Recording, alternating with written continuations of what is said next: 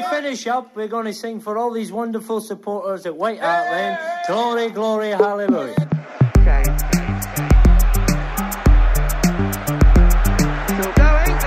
Oh, fucking equaliser! The local lad, the Tottenham fan, the remarkable story of Harry Kane's season. Takes another third.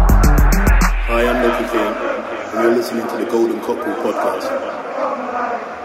Velkommen, kjære Tottenham-venner, til en ny episode av Golden Cockrell. Og jeg sitter her sammen med to eh, godt fornøyde gutter. Eh, Lars Peder Karseth Hellerud, velkommen. Takk for det. Og Espen Frostad, velkommen. Jo, takk for det. I dag eh, skal vi gå gjennom eh, de eh, tre siste kampene litt eh, mer grundig, og se på sesongstarten under ett. I tillegg så skal vi også eh, se litt på våre nysigneringer, og se hvordan det kommer til å gå fremover eh, de neste tre kampene. Vi starter rett og slett der hvor vi eh, i Vi går baklengs inn i fortida, blir det vel. Eh, vi starter på Tottenham Hotspur Stadium nå sist lørdag, og vi, vi, start, vi starter på slutten der òg. Espen, hva, hvor, hva følte du når eh, 2-1 eh, går inn der i det 96. minutt, er det vel? Det var en eh, eufori, eh, en deilig følelse. Eh, Du vinner på en dag da du kanskje har litt marginer i tillegg, så det er jo noe Det er litt sånn jeg tror kanskje United-fansen ofte har følt under Førgesen. Det målet det kom uansett, på en eller annen måte. Oh, har vi fått Angie-time? Angie-time, det er muligens. Noe magi, i hvert fall, under Ange på Eh, Men det var, en, det var en absolutt en deilig følelse, og det gjorde at du sitter igjen med en ekstremt god sesongstart, eh, og du henger med helt til toppen, fordi det er veldig jevnt oppe, så hver trepoenger teller. Ja, vi er jo ett poeng bak eh, City. Eh, helt på toppen. Så eh, Lars Peder, eh, jeg regner med du også var rimelig happy der eh, på 2-1. Men Ja. Det var eh, egentlig litt absurd å se den eh, forlate foten til Matip og, og gå opp i krysset der, fordi Klart da det ble 11 mot 9, så tenkte jeg jo med en gang at nå, nå må det jo bli seier. Men så så man jo litt hvordan den kampen utviklet seg, og det ble jo bare stanging. Og Tottenham slet med å skape noe, og Madison måtte ut, og sånn måtte ut, og det ble egentlig lite sjanser skapt. Og jeg begynte å egentlig bli ganske sikker på at dette her ender 0-0, jeg. Jeg satt egentlig med liksom- 1-1, kanskje. ja, 1-1 faktisk også, ja. um, så det var, um, det var uh, euforisk, fantastisk å se den uh, siste gå inn og en ny overtidsseier. Ja, det, jeg var litt redd for at du skulle få et par, eh, par kort når de står og jubler sammen med publikum der, men det de ble bare Pedro Porro, eh, tydeligvis. Men eh, det er jo folk som påstår at vi ikke burde juble så veldig når vi, vi får en sånn avgjørelse med oss, og vi spiller mot ni mann i eh, 20-25-30 minutter. Og de kan ta seg en bolle, altså. For dette her eh, Nå har vi hatt så mye hoodoo mot det laget der. Det er så mye følelser som uh, slippes løs. Og jeg så denne kampen på Bohemen uh, og sto sammen med ei som heter Janne, som er der ganske ofte, og over uh, ganske ofte også. Og hun sto og hoppa og klemte, og så, men hun bare 'Vi må vente på VAR! Vi må vente på VAR!' Men hun sa 'Nei, det er selvmål!' Og det, heldigvis så var det jo ikke noe for VAR å sjekke på den. Der var det Men det, det der er, det, det, syns jeg er så dumt når folk skal drive og fortelle andre supportere hvor mye de skal juble, eller hvor lite de skal juble, og drive og, og kritisere Tottenham-supporterne for å juble så mye etter å ha vunnet 11 mot 9. Eh, det samme var jo litt greia etter den Sheffield United-kampen. Juble så mye for å slå Sheffield United, og liksom drive og fortelle og liksom legge føringer på hvor mye er det greit å juble. Altså Selvfølgelig så skal man ta helt av etter en overtidsseier mot Sheffield United, og man snur det åtte og ti minutter på overtid. Selvfølgelig skal man ta helt av når man avgjør en kamp mot Liverpool, som Tottenham har slitt så fælt mot. avgjør den seks minutter på overtid. Selvfølgelig skal man gå av hengslene da. Skal man kan ikke bare gå rundt i sånn her eh, hvilemodus gjennom en hel sesong og så kanskje juble etter siste seriekamp hvis man har vunnet ligaen. Man må jo feire sånne ting når det skjer underveis. Det er jo litt sånn eh, det sosiale medier-politiet eh, som kom i, kom i bildet der, spesielt på, på Twitter. Eh, eller hva en skal si, men jeg tenker jo det er viktig som supporter å leve i nuet. Eh, hvis ikke er det jo aldri noe glede å være Tottenham-supporter. Eh, for trofeer vinner du ikke, eh, så du må jo ta de seirene du får. Eh, så herregud, det var deilig. og jeg skreik og fikk klage hjemmefra, og naboene hørte meg, men det får du tåle. altså. Ja. Nei, øhm, nei, det var Det var så mye eh, som måtte ut. Eh, det var så mye glede og frustrasjon som slapp taket. Det var eh, Det var virkelig deilig. Jeg gir langt faen i at eh, vi fikk en svært heldig eh, eh, scoring imot oss annullert, feilaktig, og det, det kan vi jo bare si med en gang, at det, det var jo soleklart dommertabbe, at, at den eh, ikke ble dømt mål på. Eh, det kan vi jo være enige om at det er ingen som sier noe på det. Nei, Det har jo vært så mye mot Tottenham opp gjennom årene også, og regler som har blitt endra pga. ting som har gått mot Tottenham osv. Så, videre. så Så det at Tottenham eh, får en sånn med seg Det er klart det er jo en helt absurd eh, situasjon, det som skjer, og jeg satt jo og så på TV og tenkte det, det der er jo ikke offside, det er, det er jo ikke i nærheten, hvis man kan eh, si det om en halvmeter, meter. Så jeg skjønte jo ingenting da den faktisk ble avblåst, og, men, men det er liksom Tottenham, det har vært en sånn forbannelse da, mot Liverpool. Det er så mye som har gått imot Tottenham i de kampene der. sånn at det, det at det går vår vei eh, jeg å si, for en gangs skyld, det, det, det gjør ikke noe, det. altså. Ja. Espen? Ja, jeg er jo enig i det, men så er en jo litt, litt lei var å snakke Ja, ja, ja. om det. Så Ja, ja, ja. Ole André, hva tenker du egentlig om kampen? Sånn kampbilde? Ja, eh, det er jo Egentlig eh, så syns jeg at vi eh, kanskje ikke spiller Altså, at det er vår dårligste kamp til nå. Eh, I hvert fall når vi kommer opp eh, 11 mot 9. Mm. Da uh, syns jeg vi sliter med å finne rom. Vi Kula blir liggende stille altfor mye. Vi jeg syns Bizuma bruker lang tid med ball. Jeg klarer jo ikke å se hele banen, så jeg vet ikke om det er fordi at han ikke har noen å spille til, eller om man bare er litt sliten, ikke klarer å være like kreativ og progressiv. Men jeg syns eh, Jeg syns vi aldri helt klarte å, å, å være så overlegne som vi burde være, eller komme til de avslutningene vi burde gjøre. Men nå møtte vi kanskje det laget det beste laget vi har møtt til nå denne sesongen, Ja. syns jeg. Jeg syns Liverpool er et steingodt lag. Eh, måten de er satt opp på i år, kanskje litt undervurdert litt eh, hvor god egentlig Liverpool, Liverpool er. De har hatt en god sesongstart. Eh, 11 mot 11 syns jeg Tottenham styrer kampen, men Liverpool er, er så god i overgangsfasen eller i, i kontra. Eh, spørsmålet hva du vil kalle det. Eh, dynamisk eh, trio på topp med, med godt tempo, det er en god midtbane. og så eh, går vi 11 mot 10, og det, og det, det fortsetter jo litt. Eh, men de, de gjør en endring og flytter Sala på topp og Gakpo på, på høyrekanten, noe som gjør at de får ekstremferdigheten til Sala kontra på, og, og der er han god. Eh, du ser jo det, eh, han som vinner ballen når han sender gjennom Diaz. Ja, ja. Og det er vel eneste gangen de skikkelig kommer gjennom bak forsvaret, resten løper jo Van de Ven opp. Men så kommer den 11 mot 9, da, og da er det litt morsomt å se Tottenham. Det virker som de slutter å spille Angeball. Det blir ekstremt trangt. Du skaper ikke overtall mer. Eh, jeg savner sånn Perisic eh, i en sånn situasjon. Jeg synes Solomon er, han går seg bare opp i trøbbel og ødelegger alle rom. Og det samme skjer på høyresida. Eh, nå kommer jo eh, heldigvis Høibjerg inn, eh, som begynner å spre ballen litt Ja. bredt. Eh, og du ser til slutt målet kommer jo fra kanskje den eneste nesten situasjonen vi får eh, bredt i banen etter 11 mot 9. da. Så vi går oss jo veldig fast og slutter å spille litt den Ja. fotballen skal bli, har vært kjent for det, de siste Ja, jeg er, enig. Altså, jeg er helt enig i at Liverpool er eh, det beste laget eh, Tottenham har møtt denne sesongen. og Jeg syns Liverpool ser veldig bra ut nå.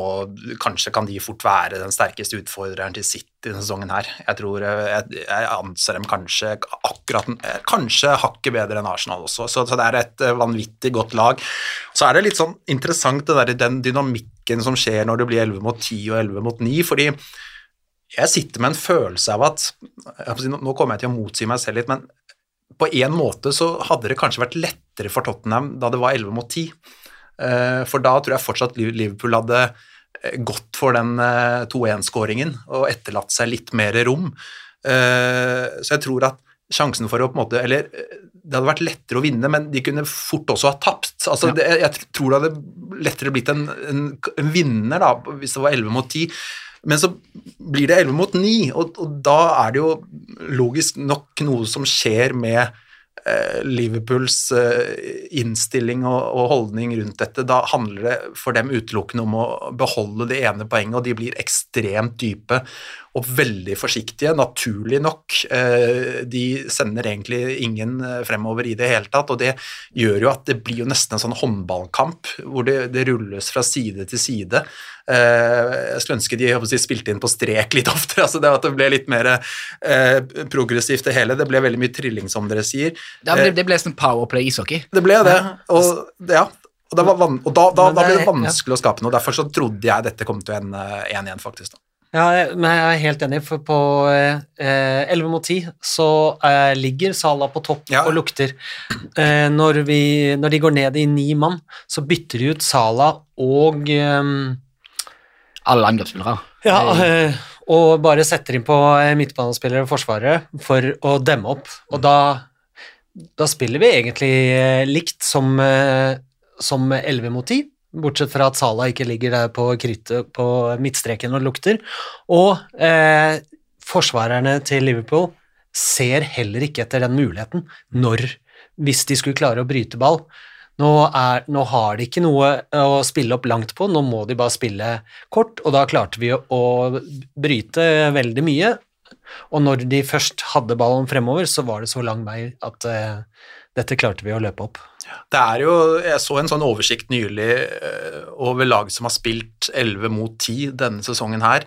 Og det er veldig få av dem som har eh, klart å, å skåre mål. Eh, Det er ikke så lett som si, man skulle tenke seg ved å være én mann mer. Det er en stor fordel hvis du allerede leder kampen, men hvis du Hvis det laget som reduseres til ti mann, og i dette tilfellet ni mann, også har et resultat, så er det ikke nødvendigvis noe lettere å få den skåringen, for de blir veldig bevisste på å forsvare seg. så Liverpool gjorde det vanskelig for Tottenham. Altså, så En kombinasjon av at Tottenham eh, slet med å bryte ned det veldig dype, kompakte Liverpool-laget, og at eh, Liverpool sto godt, godt imot der, gjorde at det tok lang tid.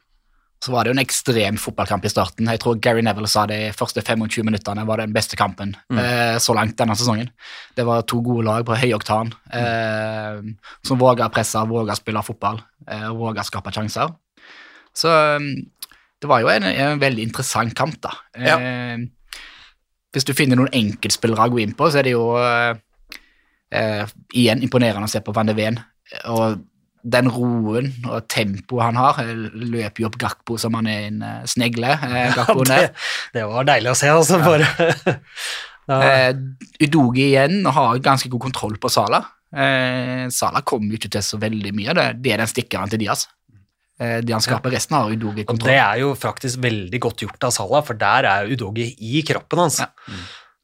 Så- Men det, jeg syns det er gøy å sitte og snakke litt om kampen. For jeg synes liksom alle diskusjoner som har vært etter matchen, har handlet om dommeravgjørelser. Og det, Jeg blir litt lei av det. Jeg syns det er så kjedelig å sitte og diskutere VAR og dommeravgjørelser. Men denne kampen har jo så mange spennende aspekter også, hvis man ser på de 90, eh, 96-97 minuttene. da. Og jeg syns også Tottenham i, i perioder 11 mot 11 er eh, gode. og så er Liverpool. Er et godt lag, så man klarer ikke å ha en totaldominans mot det. Men jeg syns Tottenham i perioder er, er gode der. og eh, Enig i det de dere sier. Jeg syns Porro også fortjener å bli nevnt. Helt vanvittig imponert over de stegene han har tatt, og den spilleren han har blitt i en ny rolle. Altså all, all ære til Porro, all ære til Postekoglo eh, for den jobben som er gjort der. Så eh, jeg syns jo det er eh, Det som på en måte trekker litt ned for meg fra den kampen, er det som skjer egentlig spesielt etter at Liverpool blir redusert. Kanskje spesielt når det blir redusert til ni mann, da. Men, men før det så er det jo en fet kamp. Ja. 11 mot 10 i- etter pause er ganske bra. Ja, da, du ganske ganske, bra. Mm. da styrer du kampen og ganske god kontroll. Du er bedre på Liverpool sitt kontringsspill, for det sleit jo litt med Mm. i første, første omgang, så der hadde de nok justert litt. Um, og så syns jeg altså Helland sier det vel fint i Viasat Studio. Uh, Pasningen til uh, Madison det, det er som å levere et brev gjennom ei uh, luke på døra fra, fra lang avstand. Det er jo en helt enorm pasning, Å levere akkurat samme pasning i andre omgang Det er jo kopi. kopi. eh, Dessverre litt offside, ja. den andre der. Og så er det jo interessant å se at vi starter med Richarlison som kant og sånn som spiss. Det syns jeg funka bra. funka bra, skal jeg til å si.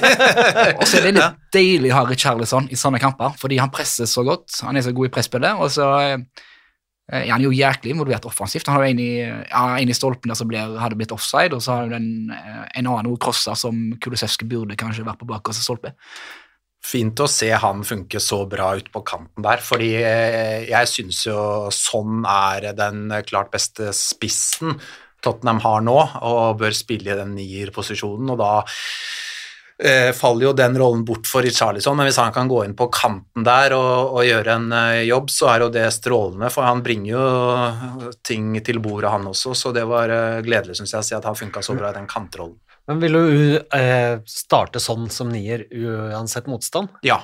Jeg, vil, jeg, jeg syns Hong Min Son er en så god spiss eh, for Postekoglo og eh, har noen kvaliteter og egenskaper som gjør at jeg mener han er så utrolig mye bedre som spiss enn som kant. Jeg synes Som kant syns jeg ikke han er noe spesielt bra i det hele tatt. Da mener jeg nesten at det ikke er noe vits å bruke han, for han blir så isolert og, og får brukt styrkene sine så lite. Men han har et, et bevegelsesmønster, han har en klokskap i, i bevegelsene sine, og eh, et avslutningsrepertoar. Jeg mener han er helt seriøst kanskje verdens beste avslutter. Eh, og hvis han får spille i den nierrollen eh, ut sesongen, holder seg skadefri, og Madison holder seg skadefri, så mener jeg helt klokkeklart, og det kan jeg si rett ut, jeg er helt sikker på at Hong Min Son kan skåre over 30 mål i, i ligaen. Ja, altså Kanskje ikke helt eh, enig i at jeg vil kun ha han som en nier, men med Richarlison og sånn på banen samtidig, så åpner det for muligheter at du kan variere. At du nødvendigvis ikke Når man starter med Solomon, så du kan ikke putte Solomon som spiss, men du kan, eh, du kan endre med tanke på, på kampbildet i, i større grad. Eh, Vi så litt mot Sheffield United at når Sheffield United lå så Ja. Eh, baktungt hele kampen, så ble sånn litt pakka inn. Ja.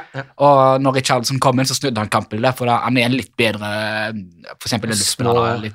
Små Men den duoen på venstre og sentralt der, det endrer jo litt dynamikken. De, de kan variere, de kan bytte. Eh, de gjør oss mer fleksible enn en kombinasjon som er Solomon sånn, da, for Ja, det er helt enig Også, Og så, Det er jo veldig viktig det du sier. altså Det er jo helt sant at uh, i de kampene hvor motstanderlaget er veldig dype, sånn som vi så mot Sheffield United, der, eh, der møter sånn eh, på større utfordringer enn når det er større rom. Han er jo best når han kan stikke inn bak forsvaret og få litt mer plass, men, men eh, hvis de klarer å finne litt ut av det og få satt opp sånn eh, litt oftere mot de lagene også, eh, så, så tror jeg det kan bli bra i, i den type kamper også. Men, men det er der på en måte det største utviklingspotensialet ligger. fordi jeg, eh, når, det, når han møter Tottenham møter lag hvor det er litt plass, sånn som mot Arsenal, sånn som mot Liverpool før utvisningen, så, Og Burnley. og Burnley ikke minst, så, så, så, så er han jo helt ustoppelig.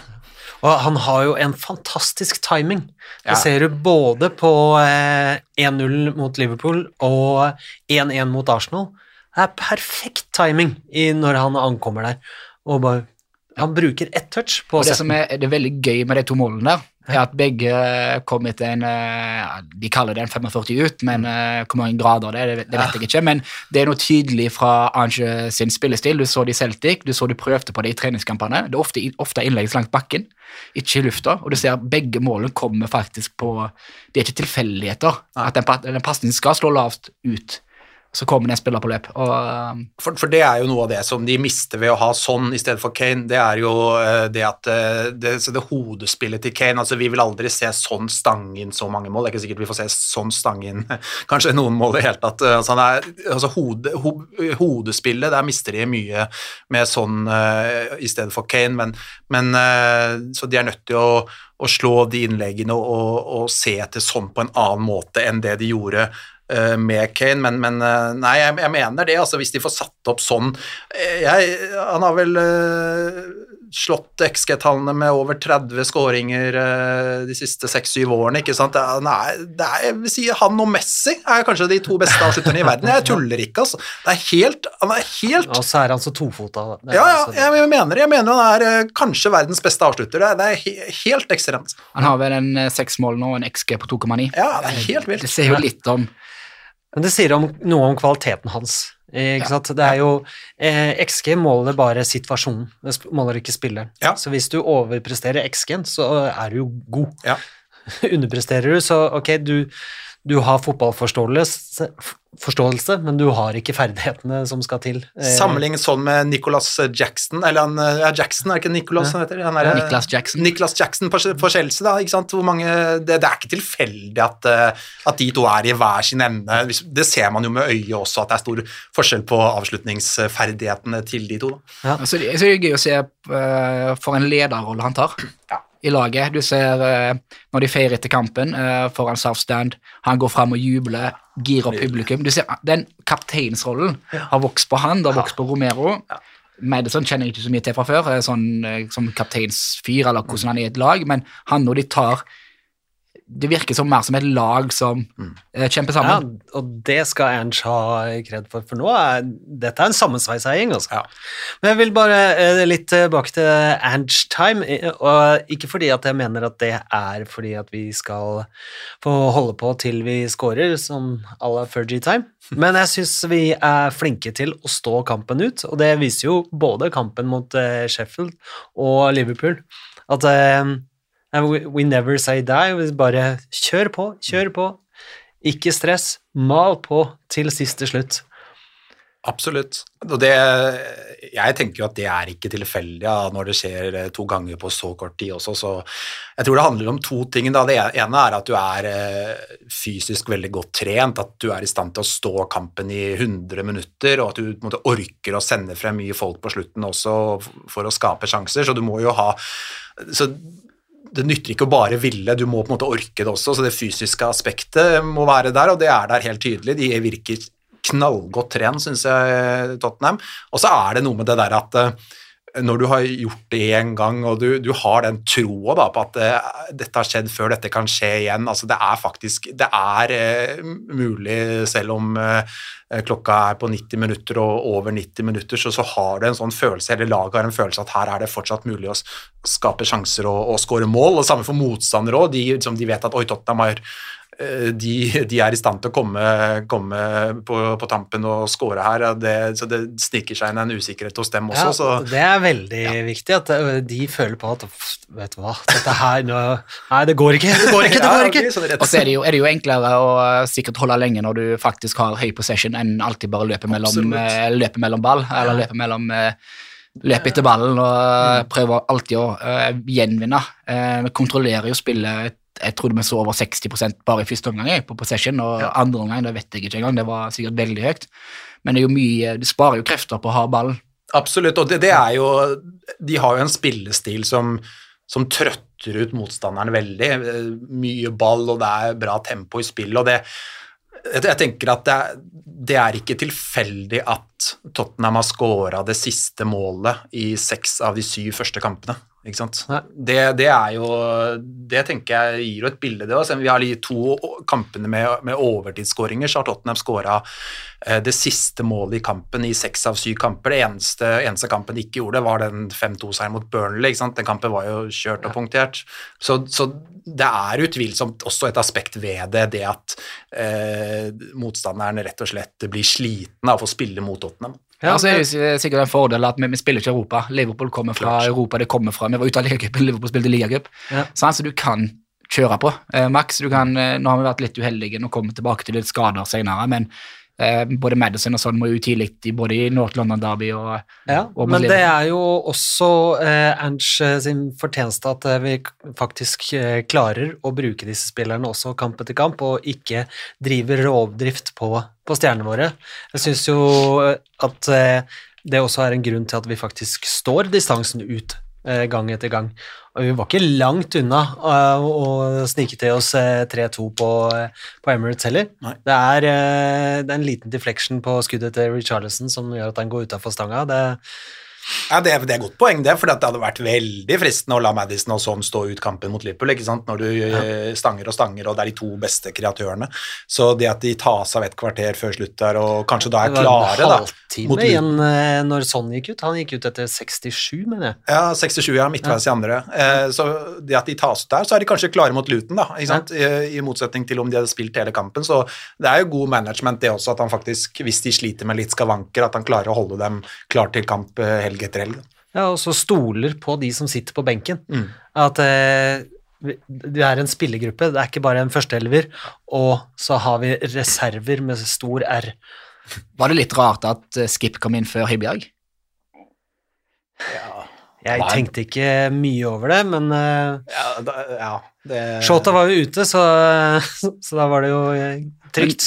Men det er jo løpet til, til Skip som skaper den eh, overtallet i 3-2 nei, i 2-1-målet, så Ja, det er jo masse på 11 mot 9 hele uka, du, Espen, så det, det der var godt innøvd. Det syns jeg er et bra spill av Romero også. Han beveger seg høyt i banen, orienterer seg, spiller ut den eneste breddeholderen vi har. Og innlegget er jo knallhardt. Jeg ser mange påstår at uh, Velis eh, Ja. ville tatt den inn på bakre stolpe, men jeg er ikke helt sikker på om han hadde vært først på den. var det Men, litt eh, Ville du foretrukket et Velis-mål, eller gjør selvmålet litt bedre? Smaker det litt bedre? Å, nå spør du slemt. Jeg, jeg, tror- jeg tror jeg hadde foretrukket Velis-målet. Altså, Jeg selv tar selvmålet, altså. Jeg tar det selv. Det er kun av sosiale medier. Ja, ja, ja. gni det ekstra. Ja. inn. Men det, ehm, vi har jo eh, nå på de syv første kampene så har vi fem seire og to uavgjort. Det er ubeseira. Eh, hvilket terningkast vil det trille på sesonginnledningen her? eh? Og Før du sier det, så kan du eh, notere ned hva du eh, ville sagt, Espen. eh, Og så skal jeg, for jeg har min, min soleklare terning klar. Så Ja, går det på resultater eller prestasjoner, eller begge deler? Eller? eh, helheten. Ja, det er jo klink terningkast seks for min del, dette her. Ja, helt enig. Jeg er på en femmer, eh, og det er litt på grunn av den Fulham-kampen. Eh, hvis du tar den med i eh, Full Ja, Brentford. Eh, ligacupen. Eh, ligacupen, ja. ja. eh, som er skuffende. Ja. Eh, som jeg drar han ned på en, en toppkarakter. Jeg tenkte på ligaen, jeg da. men hvis du skal ta med den, så ja, jo, jeg, ser, jeg skjønner hva du mener. Eh, litt Når jeg sitter jo, sant. Eh, I tillegg så er det på en måte det, det trofeet det er helt åpent. Nå kan hvem som helst vinne. Ja. Av de som er på en måte blant de ti beste klubbene i England. Men ja, altså, Premier League-starten Du kan jo nesten ikke klage på noe. Eh, spesielt når alt er nytt. Ja, altså. Absolutt. Um, vi um, Vi kan jo prøve å kåre eh, månedens mål også, uh, og da uh, vil jeg ha med uh, Kulusevski sin, sitt seiersmål mot Sheffield United. Jeg vil ha med Son sitt 1-1-skåring eh, mot, eh, borte mot Arsenal, og Matip sitt selvmål på Jeg hadde egentlig en annen kandidat. Ja, ta den. Ta den. Da vil jeg ha sånn mot, eh, mot Liverpool, for den pasningen til, Ja. eh, til Madison, det, det, det er så fotballporno at eh, Ja. det, det er så trangt, og den vektinga og det løpet, og Gomez er jo helt svimmel ja. som back. Eh, det er mitt eh, For å være litt greie, da, så bytter vi ut Matip med sånn mot eh, Liverpool. Men da vet vi hva, du- hva du stemmer på, kanskje For jeg, jeg har ikke det samme målet. Jeg er veldig glad i det målet, men jeg har ikke det samme. Jeg syns jo også, eh, for å være helt ærlig, det sånn målet mot Liverpool er det fineste. Det er jo et angrep eh, fra en annen galakse, da, med, med den pasningen til Madison først og, eh, og bevegelsen til Richarlison og ut eh, 23 grader eller noe sånt til sånn, men så er det jo noe med den der eh, euforien rundt Kulusevski-skåringen òg, da, så det blir jo et fint mål på, på, i så henseende, det også, så det er vanskelig å kåre, syns jeg. Det som er kult med det Kulusevski-målet, er jo altså Destiny står såpass høyt. Eh, Herregud, for en eh, hvor god han er å eh, vinne tilbake ballen. Han spiller til, til Høibjerg, som under Conte, under Mourinho, under Nuno ville slått den pasningen Ja. bakover, men han tar en risikopasning til Perisic. Eh, som går vel videre til Richarlison, og så Perisic og Richarlison igjen. Ja. Så det er jo, du ser jo at mindset har endret seg Ja. hos spillerne i det målet. Det, det er så tydelig at de får beskjed om vi skal angripe. For de siste fire-fem sesongene ville den pasningen gått bakover Ja, ja. fra Høibjerg. Ja. Og det klikk-klakk-spillet der er jo, det, det, Ja, det er jo Det er veldig fint. Men eh, Ja, det er Arsenal. mitt- mitt- ah, 1-1 Ja. bort mot Arsenal. Madison. Det er eh, Når han bare vender bort eh, saka Ja, ja. Det, Altså, han er så langt ute i pølsebua der, og det er jo eh, rekesalat og Ja. rå all- Full pakke eh, til hele laget. Og igjen en nydelig eh, 23,5 grad, var det det? Så? Ja, noe sånt. Eh, inn til sånn som han kommer på et perfekt tima løp. Den eh, silketouchen han har, som bare triller inn på lengste stolpe, er helt er Nydelig. Tre fine mål. Ja. Det er det. Ja. Har vi noen stygge mål, egentlig? Uh, Det kommer jeg ikke på i farten. Jeg satt meg litt på, på, på Ja, spissen her. jeg tenkte liksom Nei, vi har, jeg syns egentlig det var vanskelig å Det velge fins ikke stygge mål, gjør det det? det? Eh, alle mål har sin sjarm. Vi skal eh, ta en jingle, og så skal vi dykke litt ned i tallene i sesongstarten. Hi, I'm Ledley King, and you're listening to the Golden Cockerel podcast. Ja, skal vi ta og titte på sesongstarten, men vi, vi må jo nevne eh, Tottenham Hotspur Stadium. Eh, stemninga der, eh, Espen. Ja, altså, It's starting to feel like home, eh, syns jeg. Du ser eh, supportere stå lenge igjen etter kampen og synge, og hoppe. Det, eh, du ser folk bære på plastikkenguruer eh, på stadion. Eh, det er en ekstremt god stemning, og det virker som fansen har blitt med på dette prosjektet. De står virkelig bak fansen, de synger hele tida. Det, det kommer nye sanger, det kommer nye TIFO, det kommer flagg. Eh, det er jo en helt enorm ting, og jeg tror det er med å løfte laget at eh, spillerne vet at de har fansen med seg til slutt. De buer ikke hvis du, det er 0-0 til pause mot Sheffield United. Det, det var ikke noe sånn den gamle negative stemninga. Så det, det, har vært, det, det har tatt litt tid. Jeg har jo sesongkort eh, borte i, i England, og eh, den overgangen fra White Lane til Tottenham Hotspur Stadium det har tatt eh, eh, til å bli- for å bli kjent med nye stadion, men nå virker det som det faktisk begynner å bli eh, noe på en måte alle omfang. da. Og det har vært kult å, å se på. da. Det var jo litt uheldig at vi fikk en eh, pandemi med rett etter at den åpna også. Ja. Men eh, ja, eh, det ble jo sagt at stemninga mot Manchester United var den beste de hadde hatt siden Ja, Det er sånn Nord-London Siden- Derby, er den 3-0, ja. men det kommer jo litt naturlig. og den Champions League-kampen mot, Men det var jo City over en sesong sesong Ja. siden. Det var jo da vi klarte å kapre en plass i Champions League. Er det lov å bare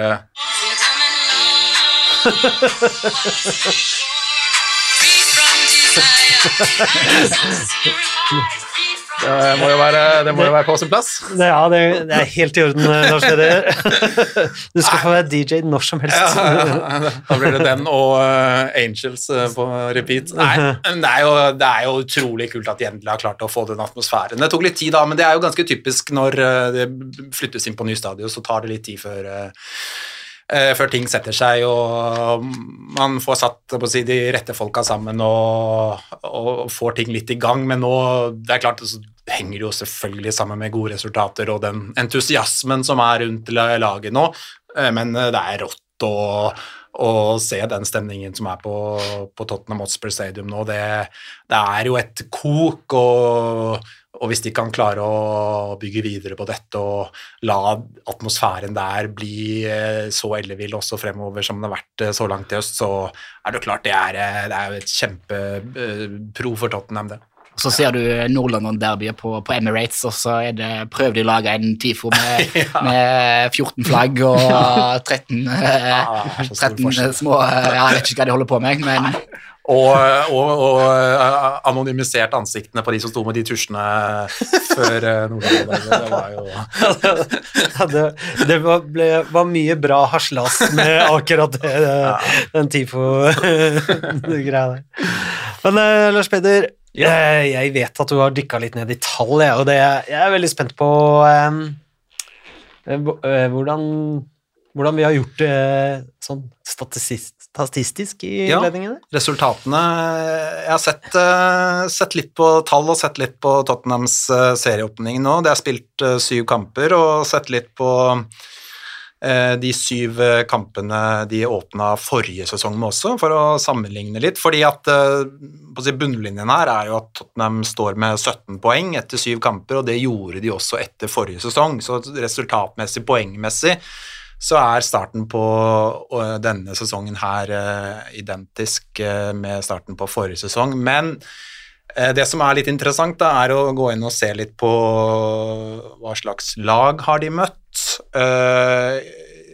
sammenlignet med forrige sesong, og hvordan har de gjort det denne høsten sammenlignet med de altså kampene mot de samme lagene forrige sesong. Det føler jeg er en eh, det er, har mer relevans enn bare å se at de har 17 poeng etter syv kamper, det samme som de hadde etter syv kamper i fjor.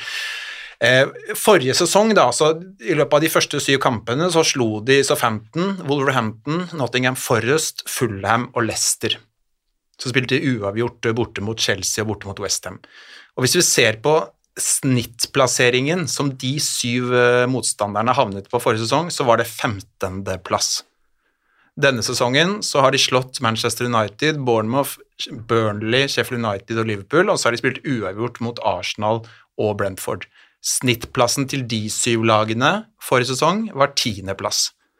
Så i snitt så har de i denne sesonginnledningen her, i årets sesong, møtt lag som har havnet fem plasser høyere enn forrige sesong. Så de har hatt en ganske mye, ganske mye tøffere start, faktisk, med tanke på motstand denne høsten her. Men så er det også interessant å se på hvordan gjorde de eh, det mot de lagene de har møtt denne høsten her, hvordan gjorde de mot de lagene forrige sesong? Eh, og da er det jo eh, litt sånn altså Noen lag spilte ikke i samme divisjon rykket opp, noen har rykka ned osv. Så, videre. så Burnley, som Tottenham har spilt mot nå, de eh, erstattes med Leicester, og det er fordi at Burnley vant championship, mens Leicester eh, havnet på 18.-plass i Premier League, så da er det en naturlig utskiftning, mens Sheffield United eh, som havnet på andreplass i championship, de er erstattet med Leeds forrige sesong, som havnet på 19.-plass. Det er riktig. Og hvis vi da ser på sammenligningen der, så har eh, Tottenham mot de samme lagene da, tatt ni poeng mer. Og de har skåret tre mål mer, og de har sluppet inn ni mål mindre. Så det er en kjempeforskjell hvis vi sammenligner mot de lagene de har møtt i høst, sammenlignet med hvordan Tottenham gjorde det mot de lagene forrige sesong. Ni poeng mer. Og ni mål mindre, ikke minst. Jeg syns det kanskje er mest oppsiktsvekkende. Man vet jo at det gikk, det gikk trådere og trådere med Conte utover, og det er en naturlig grunn til at man ikke tok like mange poeng, men allikevel eh, ni poeng mer og ni mål mindre er oppsiktsvekkende eh, tall, syns jeg. Og så ser en litt på målene en slipper inn, nå. det er to straffespark. eh, Brentford og Arsenal. Eh, Det er en del dødball, og så er det vel noe selvmål. Mm. Eh, Så det er ikke mål du blir utspilt på. Eh, Selv om jeg vet at det har vært en del liksom, XG har, ikke har vært ganske jevnt i noen kamper, så kommer jo målet ut av en del tilfeldige situasjoner. Eh, Mens målene Tottenham har skåret, har jo kommet i situasjoner de har spilt seg fram. Eh, spilt seg til sjanser. Eh, har jo ingen straffemål. Kun eh, har to eh, dødballmål, ett på frispark eh, mot, mot Brentford ett mot, mot Sheffield. Så det er jo eh, kult å se på at hvis en ser litt mer ikke bare se direkte på tallene, da, Mm. eh, men se litt bak eh, grunnen til det. Mm. Så det er en veldig interessant start. Og jeg, jeg syns jo det er mer relevant å sammenligne med hvordan Tottenham gjorde det mot disse syv lagene i fjor, enn å bare si at de har 17 poeng på de syv første. For det, det er ganske altså Syv kamper er et eh, såpass eh, lite eh, antall kamper, da, et ganske lite utvalg, at det kan være ganske sprikende hvor, hvor tøff motstanden er. Så, og det, det at de i snitt har møtt lag som er fem plasser høyere på tabellen, det, det er verdt å ta med i ligningen her. Så, så jeg vil eh, utvilsomt si, eh, si at Tottenham har eh, den, den starten de har gjort denne sesongen her, den, den er sterkere enn den de de gjorde forrige sesong. Og jeg føler jo også man kan Jeg sitter i hvert fall med en følelse av at det de driver med nå, det er, det er mer bærekraftig. Altså det er eh, Vi satt jo i fjor og vi var veldig fornøyd med poengfangsten i starten, men jeg tror egentlig ikke så veldig mange satt og tenkte at dette her kommer til å fortsette, at, det, at dette her er det, det nivået de faktisk er på. Ja, det var jo denne perioden eh, hvor eh, vi drev og eh, alltid slapp inn det første målet, så Ja. vi måtte jo alltid hente inn igjen. Uh, Leeds 3-4. Eh, um, vi, vi vant jo 3-2 også. for Bournemouth borte, Ja, uh, der du snudde fra 0-2 til 3-2. Mm. Så eh, ja, nei, du visste jo at ok, her må vi enten bli bedre, for eh, resultatene kommer ikke til å vare den, med sånt spill, altså. Så ja, nei, det er Selv om det er morsomt at, eh, er jo at eh, eh, folk sa det var kjedelig å se på Tottenham forrige sesong, men de hadde vel 70-63 målforskjell, Ja, ja. så det var mye mål i kampene, men det var kanskje noe med hvordan ting skjedde på eh, Ja. egentlig alt rundt. Pressekonferansen, negativ, eh, klaging på døde spillere og tynn tropp og eh, får ikke penger eh, eller ditt eller datt. De skårte vanvittig med mål. Altså det, de har ikke, det er ikke mange sesonger de har skåret flere mål, så det, det er litt sånn uh, motstridende, men det var kjedelig. Så det, det, var liksom bare, det var bare målene som var gøy. Mens du er på, på, sesongstart, så står ikke dette på agendaen din, da. Men, eh, så jeg setter det jo, setter det jo eh, fucker litt til den agendaen her. Men plutselig begynner jeg å se, på, liksom på um, benken. da, Sitter Donnelly på benken på, eh, mot Liverpool. Og så ser du U21-laget slo Chelsea i går, 4-2. Et, eh, et sent eh, comeback der òg, faktisk. De har vunnet alle kampene sine til nå. Ja. Donnelly med åtte kamper som 18-åring. Sju mål og sju assist. Eh, og når du ser på det målet der, det er jo, han er jo mer Harry Kane enn hva Harry Kane er Mm. sjøl. Eh, Og han er midtbanespiller. eh, ja, han spiller vel i en Offensiv midt, offensiv midt- og litt og, sånn eh, second striker og Jeg ser noen sammenligner litt med, med, med Madison. Eh, David Nalt, og så har de jo Santiago, som er en spennende kant. Eh, og så går du ned på U18, så ser du Mikey Moore, som er 16, som har eh, på seks kamper fem mål og fire assist som midtbanespiller. Eh, og plutselig blir de belønna med en plass i, i både tropp, altså i troppen, men også på, på benken. Og det er ikke lenge til det før de kommer innpå. tipper vi får flere som eh, får sin første Premier League-kamp i løpet av sesongen. Du ser jo Vidis komme innpå. Ja, ja det er, jeg syns det er kult, for det er en sånn god vind da, over hele klubben, nå virker det som, og det sprer seg også på de yngre lagene, og det, det U21 driver med der, og det er, så, det er så mange spillere der man får en følelse av at kan ta steget opp og kan, kan få et innhopp og få muligheten, og som det som snakkes ordentlig varmt om, og det i mye større grad enn det det har vært de siste årene. Da. Og jeg tror eh, forskjellen nå er at Postikoglu stoler på dem. Ja. Det var faktisk litt interessant under Mourinho. Han var ganske flink til å slippe gjennom eh, en del unge spillere. Han slapp jo til eh, Tanganga. Og eh, han er estlenderen, Paloski. Hæ? Paloski, Ja. Ja. stopperen. Eh, men det er jo litt interessant å se hvordan det kommer til å bli utover sesongen. Eh, for, de, for de guttene på yngre nivå, de leverer sakene sine, og de spiller fin fotball. Ja, og det, det gjorde de jo ikke når Conte var her, for da rykka det ned og, eh, og røyke ut tidlig av eh, alle cuper og så videre, så det, er tydelig at eh, Ernst har hatt en positiv effekt på hele organisasjonen eh, tvers igjennom. Guess I'm a Spurs fan now then. Vi har fått et, eh, et knippe nye spillere denne sesongen, og eh, vi eh, tenkte vi skulle vurdere disse. Og hvis vi starter bakerst, eh, Lars Peder ja. um, Guillermo Vicario, hvis jeg eh, Hvis jeg er i nærheten her, så er jeg lykkelig.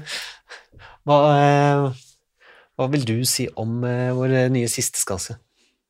Ja, han har vært kjempegod. Altså, over all forventninger, vil jeg si. Det var jo en eh, keeper eh, mange av oss, meg inkludert, eh, visste ganske lite om eh, fra før, så eh, jeg var jo spent og eh, var jo litt sånn Det ble jo satt noen spørsmålstegn etter eh, treningskampen i sommer, syns jeg. Det var, jeg hadde noen involveringer der som var eh, ikke, ikke helt eh, topp, så vi var litt spent, og jeg var litt spent før seriestart, men etter at alvoret starta og Premier League har starta, så har den jo vært helt fantastisk. Så eh, jeg syns han har vært eh, vanvittig god, så mektig imponert over eh, Vikario. Ja, jeg var jo litt skuffa når man ikke fikk Raja, men Mm. eh, Vikario har virkelig uh, steppa opp og eh, gjort savnet etter en, eh, en annen eh, mer eh, kjent og rutinert keeper eh, helt eh, borte. Ja, han er, altså det er en helt annen trygghet med ball enn eh, har hatt eh, tidligere. Eh, han er god med begge føtter, og du kan jo si at han eh, Det er ikke noe problem for han å slå med høyre fot selv om han er venstrefoter. tror jeg han er. Eh, det ser i hvert fall sånn ut, men eh, han kan, kan slå langt med begge, kan slå kort med begge. Det virker som han har aldri hatt dårlig tid. Aldri stressa. Eh, så det er litt gøy å si. Han får vel beskjed om det òg, at hvis du driter deg ut, så er det, sier Ange det er min feil. Så eh, han har nok fått en tillit der, eh, og så har han fått fansen eh, bak seg med en gang. Og det bildet, eller videoen av eh, Vikario når, det settes inn 2-1 mot, mot Liverpool, den er bare helt fantastisk. Eh, ikonisk. Den er ikonisk. Det er sånn, det bildet som kommer til å henge på veggen. Ja, ja. det har vært en, og det viser jo igjen da, at det er mulig å finne gode signeringer, selv hvis de trenger ikke koste 400-500 millioner. Fordi kritikken kom jo sånn umiddelbart da de henta han i stedet for Raja, fordi han var en Mange mente han var en sånn billigere løsning, at de skulle alltid gå for de billige løsningene og sånt, men, men altså eh, Han har jo vist seg å være en perfekt keeper for Tottenham, da, med de kvalitetene han innehar også, og det eh, Og entusiasmen han viser ja. På, st- på keeperplass. og, og så god med beina, som Espen sier, og det er jo et, et veldig viktig poeng, fordi at eh, når Tottenham skal spille som de gjør, og vi så det jo veldig godt uh, eksemplifisert borte mot Arsenal, hvor Vikario ble så involvert, og Tottenham sleit litt med å få spilt seg ut, og måtte bruke keeper så mye at du har en keeper da som faktisk er trygg med beina, og som blir som en ellevte utespiller. Uh, det er en kjempestor fordel, og så har han jo vist seg å være god i felt og en god skuddstopper også, så nei, han, eh, han har Tottenham truffet blink med, altså. Ja. Altså er det jo, skriker de på i Italia at han skal starte de neste landskampene, og at ja. Donnarumma skal benkes. så det sier jo at hans standing i Italia er jo ekstremt god. Ja. ja, nei um, Første gangen Jeg følger jo Serie A svært lite. Um, så uh, første gangen jeg hørte om han, var uh, når Thomas Edvardsen uh, skrev en liten tråd om eh, forskjellige keepere som kunne være mulige. Og da um, Han uh, syns jeg har et klokt fotballhode så, og følger godt med i hele Europa, så da ble jeg litt mer positiv. Um, vi har jo eh, bytta ut hele venstresiden av forsvaret vårt også. Og hvis du måtte velge én og sende én på dør, Espen, hvem ville du beholdt av Mickey van de Fenn og Destiny Udogi? Og selv om, eh, selv om Udogi ble signert forrige sommer, så er han ny for oss. Han er ny for oss. Hvis jeg skulle kun valgt én av dem. Ja, du får bare beholde én. eh, da er mer opptatt av et solid stopperpar enn eh, altså en, en skikkelig god venstreback, for å si det sånn, fordi eh, den personen, roboten, eh, som er Terminator, eh, jeg vet ikke hva du skal kalle han, men eh, van de Ven eh, er jo en perfekt signering. Igjen det samme med, med penger. Vi gikk liksom for den billige varianten. Det snakkes om Tapsuba som spiller i, i Leverkosen, som er høyrefota, men får de inn en spiller som passer jo perfekt inn. Han passer perfekt til Romero. Han har en fysikk som er helt hinsides. Eh, han, kan, han kan dra av folk, han er trygg med ball, han er god å tak Han gjør sjelden en takling, men når han først takler, så treffer han. Han har to selvmål. Ja, men han må jo skåre mål, han da. Ja. Må, hjelpe, må, heldigvis var dette en uh, sterkt uh, hypotetisk uh, du må dilemma. Jo, eh, eh, altså det er jo fint at Tottenham gir, i hvert fall gir de andre lagene mulighet til å få et poeng. Så at vi bidrar med noe selvmål, det må vi Sånn at vi kan vinne kampen på overtid. Men han har vært ekstremt god, altså. Helt vilt. Og det, det også, Han også var det jo eh, noen spørsmålstegn rundt, ikke sant. Han har jo Han er jo ung og eh, det er ikke så lenge siden han spilte på nivå to i Nederland, vel? ikke sant? Så, altså via Tyskland der, og, og så Men altså De har jo bare truffet så veldig med den profilen, da, og hvilke styrker han har, og kvaliteter Det er nesten som en blanding av Fartongen og van Dijk eh, Ja. du finner der. Et fysisk monster, men som er god med ball og eh, gode timer taklinger og er så rolige. Eh, Du ser den ene situasjonen mot Liverpool der han bare drar eh, drar seg forbi et par mann og drar ballen med opp i midtbaneleddet og inn i Liverpool sin, eh, i, i sitt forsvar. da. Mm. Du ser bare det helt enormt å se på. Og så er det noe med det at liksom, det er ikke alltid du skal hente de største navnene. Du må hente spillere som passer til den type fotball eh, laget skal spille, ikke sant? og han med den farta. Tottenham står jo høyt, da. og vi, vi så jo det veldig godt eh, illustrert mot Liverpool en gang der hvor han eh, løper opp Gakpo og parkerer jo Gakpo. og og det er jo ikke sant, at eh, det der å få spillere inn som passer til den fotballen nåværende manager skal spille, heller det enn kanskje å hente et stort navn. Tapsoba er jo et større navn, ikke sant. Det ville vært en mer sånn Der og da så ville det vært en mer statement-signering enn det van de Ven var, men men eh, jeg, er vanskelig med å se for meg at Tapsoba hadde overgått det van de Ven har levert denne høsten her, for det, det har vært helt eh, det, det kunne ikke vært bedre. Litt uheldig med de selvmålene, men bortsett fra det så har det vært helt fantastisk. Ja. Og videre på venstresida så har vi jo eh, en nydelig gutt på Har han blitt 20 nå? Jeg, jeg lurer på om han har det. Destiny Udogi. Ja. Det For en fantastisk spiller. Ja. Nei, jeg, jeg tenkte hvis jeg, skulle, hvis jeg skulle svart Espen på hvem man skulle beholdt av van de Fenne og Udog- Udogi, så, så skulle jeg bare for å si noe annet, så skulle jeg sagt Udogi med det argumentet at jeg syns han er så unik, da. Jeg, jeg tror det er, Ja, så, det er det er så vanskelig å finne altså hvis, hvis du hadde si, måttet latt, latt han gå, så hadde det vært veldig vanskelig å finne en annen som kunne gått inn og gjøre samme jobben. Så eh, jeg syns Udogi det er, helt, eh, det er helt vilt at en spiller på 20 år kommer inn og, og spiller sine første Premier League-kamper eh, i, i en ny rolle og bare er så vanvittig god og har møtt to av eh, verdens beste kanter, må vi nesten si, Sala og Saka, og, og løst det så bra, med gult kort en time der mot Saka, og likevel så klarer han å, å, og ha god kontroll på den sida og skaper masse offensivt og så mye energi, så fotballklok, så god med ball, så enorm god fysisk kapasitet. Eh, nei, altså det er eh, Altså, og, og, og her sitter jo Pep Guardiola og sier jeg tenker, hvorfor spiller ikke han i City? Ja, ja, ja.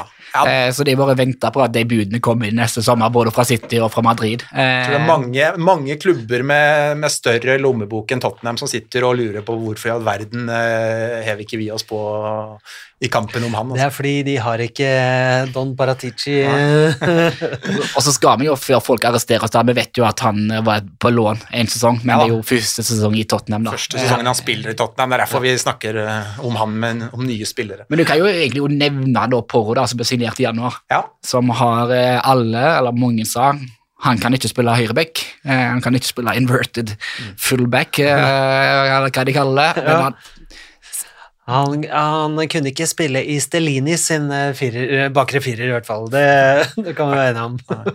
Men, men det der syns jeg er så gøy med Porro, jeg må bare få sagt det. Og jeg syns det er så gøy å Det var jo veldig mange som trodde at altså, hvordan skal man få plass til Porro på det laget her? ikke sant? Her bruker man masse penger på en spiller under Conte og en wingback og sånn, så kommer det en ny manager, og så er det ikke bruk for han, og så er det så mye penger ut av, eh, ut av vinduet. Men Altså, jeg, vet, hva, jeg syns det er så gøy at det fortsatt finnes managere som, som driver med spillerutvikling, og som klarer å coache spillerne sine bedre på feltet gjennom den jobben som gjøres uh, på trening mandag, tirsdag, onsdag, torsdag og fredag. At det ikke er sånn at så fort du har en posisjon på laget der en spiller kanskje ikke er god nok, så må du ut og bruke masse penger for å kjøpe en ny en. At det finnes managere som faktisk klarer å utvikle de spillerne de har, og som klarer å ta tak i ok, Porro, du det og det, du mangler det og det, da må vi jobbe med det, da må det bli bedre, og så må vi lære opp han, og så må vi trene opp han, og så må vi prøve å gjøre han god nok i den rollen der. Og det er jo en helt fantastisk historie med Porro, nå er han jo helt ellevill, han også. Jeg føler jeg skryter uhemmet av alle spillerne, men det, det, har jo vært en fantastisk god høst, så det er jo berettiget, det. Men altså, det, jeg syns det er veldig gøy å se at en spiller kan bli lært opp til noe nytt, lært opp til å ta en ny rolle og kan utvikle seg og bli bedre gjennom god coaching på feltet. Det, det, det synes jeg, At det kan drive spillerutvikling også eh, oppe i 20-årene og, og, og 30-årene med sånn også, det, det syns jeg er veldig bra. Og så har du jo da via kjøpene i sommer uh, fått et veldig ungt forsvar. 24, eh, 25, eh, Van de om han er 22 eller 23. Noe sånn, og 20, da. Så du har et ekstremt ungt forsvar som kan holde på i en del år, da, før du eh, ja, Du kan begynne Ja. å fylle på bak, selvfølgelig, men eh, det er et ungt forsvar. Så vi har jo begynt å fylle på bak med Ashley Phillips. eh, Ja, og han eh, kroaten eh, Ja, han kommer om to år. To år. Ja. Vuskovic. Ja, Viskovic. Så Mm. Vi kan vel gi de godkjent pluss. Det er defensive signeringene. Ja, det var kjempe. kjempebra. Ja det er, De trår ikke mye feil der, altså. Det, det er eh, nydelig. Um, ja, du kan bare rulle videre, Rulle videre. Jeg kan jo spille ballen opp til deg, da. På, på midtbane har de jo eh, Har de jo henta Madison. Ja, endelig. Det skjedde jo veldig tidlig i vinduet, så det var litt, som litt sånn glemt, det, følte jeg bare. Ja. Han var jo klar før 1. juli, han, men det de har jo Nei, vært det For en Ja, nei Jeg jeg sliter med å finne et eh, sterkt nok superlativ for Madison. Han, er, eh, han, han har gått inn og tatt rollen med en gang, at, uh, er den kreative kraften som, eh, som vi sårt har trengt. Altså, Conte trengte jo ikke, men eh, altså Han trengte det han òg, men han, vi visste det bare ikke selv. Nei, det, altså Det er tjenesteforsømmelse å si nei takk til Madison, men ah, altså men jeg har ikke sett at han har vært så god på Leicester. Nå har ikke jeg sett Leicester uke inn og uke ut, altså, men eh, Han hadde ekstremt med målpoeng, målpoeng i Leicester. og eh, Ja. I nedrykkssesongen hadde han 20 målpoeng. Jeg tror det var 10 mål sist. Mm. Hadde, hadde vel eh, 15 og 17 de to foregående sesongene i Leicester, men så har det blitt litt undersnakka. Leicester har vel ikke levert så Og det er ikke laget alle ser på, kanskje. Nei, men han er terningkast sju, altså. Det, Ja, han er helt ekstrem, og jeg føler jo Altså, han har gått inn og egentlig fylt mye av det der eh, rommet etter Kane, føler jeg faktisk. Eh, ikke, ikke bare ved å ta trøye nummer ti, men også litt den derre Altså, han har jo en del av de eh, egenskapene som, eh, som forsvant med Kane òg, ikke sant? Mange av de, liksom, de playmaker-egenskapene. Du ser jo det samarbeidet Madison-Son nå er jo egentlig minner jo mye om det samarbeidet Kane-Son da det var eh, på sitt beste. Og så er han jo en sånn profil, da. ikke sant? Han, er jo en, eh, han har jo blitt en sånn gigaprofil for Tottenham. og jeg føler han representerer egentlig Han er en sånn typisk Tottenham-spiller. Han er en spiller som Tottenham skal ha på laget sitt. Litt sånn eh, leken, morsom, underholdende spiller. Eh, står bak mål og målpoeng. En kul fyr. Han, jeg syns han, han kler veldig å spille for Tottenham, så det er en spiller som jeg tror det er ekstremt lett for supporterne å bli glad i. Da. ja, men også, han er jo veldig flink på å presse, eh, være førsteforsvarer eller andre forsvarer, da. Syns jeg. Ja, Han er flink til å stresse, og du ser jo det, 2-2 borte på Emirates. Det er han som eh, stresser Jorginho og stjeler ballen og spiller perfekt. Ja, og så- til Og så sa han det bra i et intervju. Han fikk spørsmålet hvorfor har du eh, hvorfor har det, du lett blitt så integrert i laget, hvorfor har det gått så fort? Og Da sa han egentlig det ganske bra. eh, For, det har vært en fordel at det kommer en ny manager inn samtidig.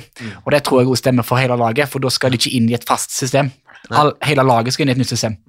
Så det har vært på en måte ganske, ganske en, ikke enkel, men en enklere introduksjon til, til et lag, da, fordi hele laget skulle endre seg uansett. Ja, for De kunne bygge mye mer rundt han, for de skulle bygge et nytt lag uansett. Eller en ny manager skulle det, så de kunne bygge mye rundt Madison i stedet for at han skulle inn i et allerede satt System, da. system. Ja. Så det, det tror jeg faktisk har vært en fordel Absolutt. for de, ny, de nysignerte, da, at eh, gjort det litt enklere, enklere, enklere for dem. Eh, så går det jo framover, da.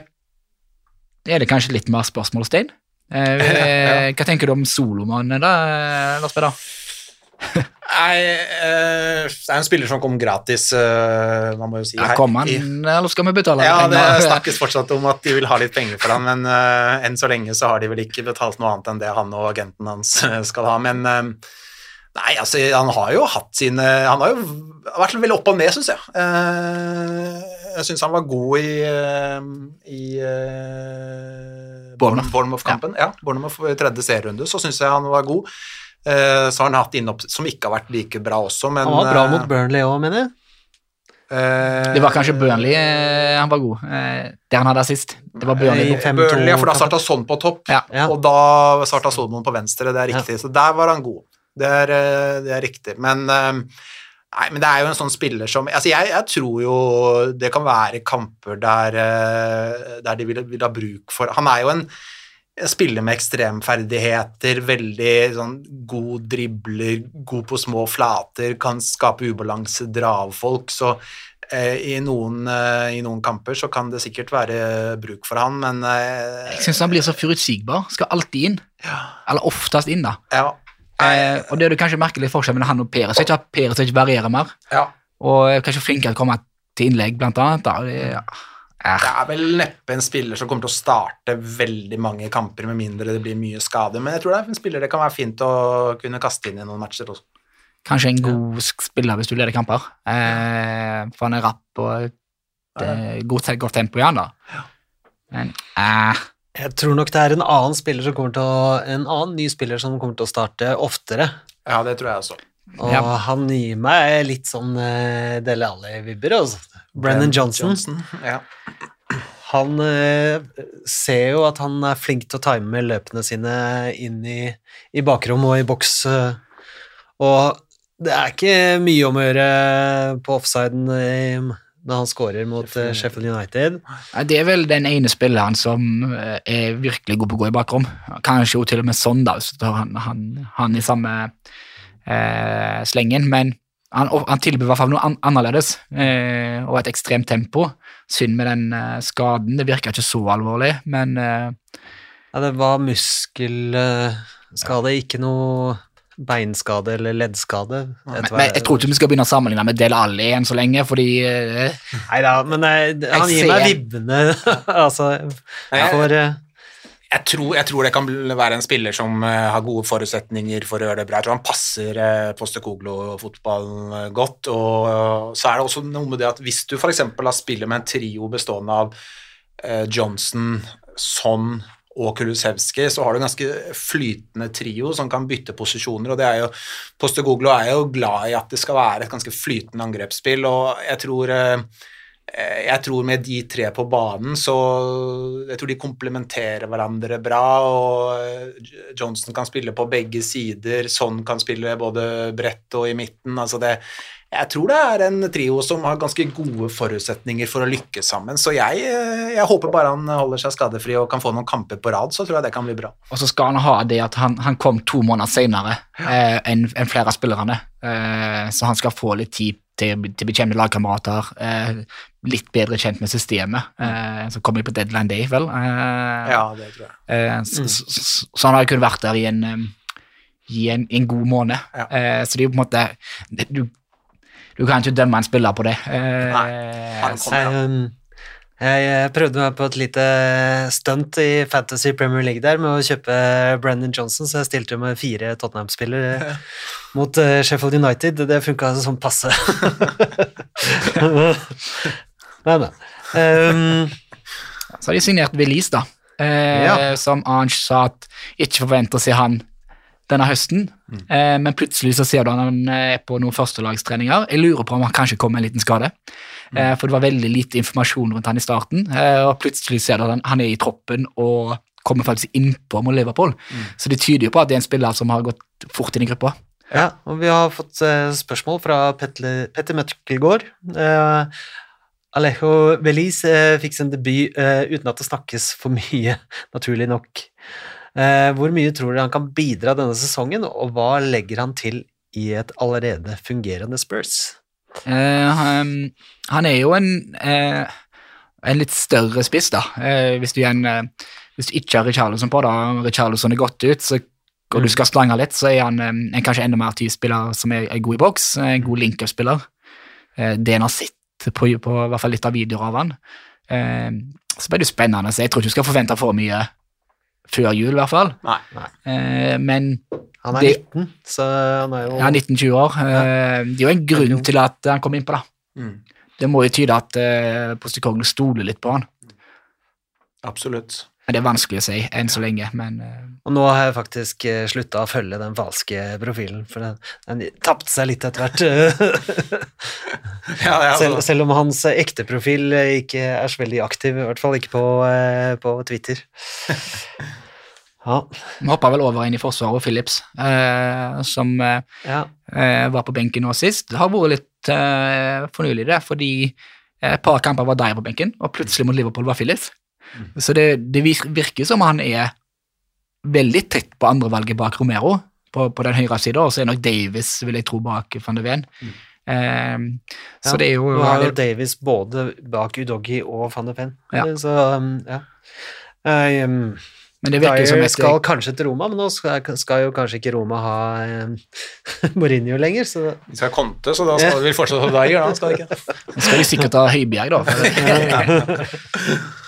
Ja, du har jo sagt det før, Espen, at det virker som en eh, perfekt eh, Roma-spiller, uh, Høibjerg. ja, Tatoveringer og en stram drakt og en god, en, god, en god sleik. Det passer godt inn i Roma. Eh, Men hvis du oppsummerer litt, da, så er det jo Hvis du dømmer til syv kamper eller åtte kamper med kuppen, så er det jo et, eh, det er et godt vindu. Det er en god start. Eh, og så er ikke Tot- Tottenham ferdig med en rebuild etter ett vindu under Posticoglo. Eh, men sammenligner du med Northland og Derby for to år siden, så var det kun to spillere igjen. Romero og Og sånn. Ja. Så det har jo vært en utskifting der, så du har kanskje ikke lagt helt merke til den, men plutselig ser du nå at det er et helt, helt nytt lag. ja, det er jo det. Eh, Krydra med, med, med Romero og, Sånn. eh, og sånn, da. Og Romero har jo hatt eh, tatt ek, ek, ekstremt ansvar Ja. den sesongen her. Ja. Han har uh, Steppa opp. Steppa opp ja. Og det, og det er bra, fordi han var litt svak Mm. forrige sesong. Nei, nei, nei. no. See, I'm just copying Pep, mate. Vi skal se litt på Angeball, hvordan vi ser ut, og hvordan vi kan sammenligne oss med tidligere. Og Lars Peder, du har notert deg et par ting, vet jeg. Ja, jeg dykka, dykka litt i tall for å sammenligne Tottenham eh, eh, denne sesongen eh, under Postekoglo med forrige sesong. Eh, rett og slett eh, se litt hva skiller Tottenham eh, fra forrige sesongs eh, utgave. Da jeg starta litt med pasningsspill, banespill, og så pensler jeg det inn på sjanser og avslutninger eh, mot slutten. Jeg kan starte bare med noe så enkelt som å se på possession-tallene. Eh, Tottenham hadde jo forrige sesong 50% i snitt per kamp, og denne sesongen så ligger de på 60 Så det er en, eh, en klar økning eh, der. Men så er det jo interessant å se på hva slags type pasninger eh, spiller dem. Og hvis vi starter litt med det som kalles progressive pasninger, det defineres som pasninger som slås minst 10 meter fremover i banen, eller som slås inn i motstanders 16-meter, og da er det ikke regnet med den bakerste 40 %-delen av banen. For Det gir jo et bilde av hvor flinke et lag er til å være fremoverrettet, spille gjennom ledd, vinne terreng, være skapende, altså det motsatte av å være omstendelig. da. Ofte så scorer jo de beste lagene høyest her. Eh, De som hadde høyest tall her på antall progressive pasninger forrige sesong, det var eh, i nummerert rekkefølge Manchester City, Arsenal, Liverpool og Brighton. Og forrige sesong så hadde Tottenham i snitt eh, 38 progressive pasninger per kamp. Denne sesongen ligger de på 58, og det er faktisk flest i Premier League. Nærmest er Arsenal med 51 og City med 51. Tottenham har 58. Og så sa jeg at eh, City hadde flest progressive pasninger per kamp forrige sesong. Snittet deres da per kamp var 55. Tottenham altså 58 så langt denne sesongen. Og La oss fortsette litt eh, å sammenligne pasningsspillet. Jeg sa jo at Tottenham har hatt mye mer possession denne sesongen enn de hadde forrige sesong. 60% denne sesongen versus 50% forrige sesong. I forrige sesong så hadde de i snitt 420 vellykkede pasninger per kamp. Denne sesongen har de i snitt 533 vellykkede pasninger per kamp. Så det har økt med over 100 vellykka pasninger per kamp i snitt. Men det som er litt interessant å se på, er hvor på banen eh, disse pasningene finner sted. Da kan vi se på pasninger inn på motstanders tredel, altså den fremste tredelen av banen for eh, Tottenhams del, og da ikke dødballer eh, medregnet. Forrige sesong så hadde de Tottenham eh, i snitt 28 pasninger per kamp inn på motstanders bakre, altså fremste tredelen på banen. 28 per kamp. Der var det City, Arsenal, Liverpool og Brighton som var best. Denne sesongen har ikke Tottenham lenger 28, men de har 43 per kamp, og det er tredje best. City er best, og så ligger Tottenham ca. likt med Arsenal, som er nummer to. Og Så kan vi se på antall pasninger de har inn i motstanders 16-meter. Forrige sesong hadde Tottenham eh, 8,5 i snitt per kamp. Lite. Det er lavt. ja, denne sesongen har Tottenham 14 i snitt per kamp. Så de har nesten, nesten, Nesten dobla, dobla. hvis vi legger Ja. på litt. Nesten dobla antall pasninger inn i 16-meteren. Arsenal, Liverpool, City, Newcastle var best forrige sesong. Det henger jo, stemmer jo bra med tabell osv. Arsenal, som altså skåret best her forrige sesong, de snittet tolv pasninger per kamp inn i motstanders 16-meter. Tottenham altså, denne sesongen til nå, har 14 per kamp. Og alt dette underbygger jo eh, det vi har fått av inntrykk, da, nemlig at Tottenham er et eh, mer eh, offensivt, eh, skapende lag enn de var forrige sesong. Eh, men klarer de å omsette spill til avslutninger? Svaret på det er ja. Forrige sesong så hadde Tottenham i snitt 13 avslutninger per kamp. Så langt denne sesongen har de i snitt 20 avslutninger per kamp. Altså 13 forrige sesong, 20 denne sesongen. Eh, og det er flest i Premier League. Og hvis du ser på XG-tallene uten straffer Forrige sesong hadde Tottenham 1,38 i snitt per kamp. Denne sesongen har de 1,87 i snitt per kamp. Og best der forrige sesong var Manchester City, og de hadde da i fjor, forrige sesong, 1,87 i snitt, så det er akkurat det samme som Tottenham har hatt så langt denne, denne høsten. her. Så vi må holde oss der eh, hvis vi skal ta eh, City. Og så skal jeg avslutte med noe som alle sikkert vet, men som likevel kan sies. Det er at bak disse gode tallene, hvor som alt tyder på at Tottenham har blitt bedre, så kan vi da si at forrige sesong hadde Tottenham det tredje eldste laget i snitt per kamp, mens denne sesongen så har de det fjerde yngste laget. Ja, riktig. Så jeg, jeg sy- syns jo det er interessante tall, for det er, det er så tydelig eh, tydelige forskjeller da. Eh, forrige sesong sammenligna med den, den sesongen her, eh, på alle de parameterne jeg tok for meg her nå. Og det som også er interessant, er at altså nå er jo syv kamper eh, ganske lite, men, men det gir jo et bilde, og, og de tallene vi ser av Tottenham så langt denne sesongen her, de er på nivå med det eh, Manchester City og de, aller beste lagene drev med gjennom forrige sesong.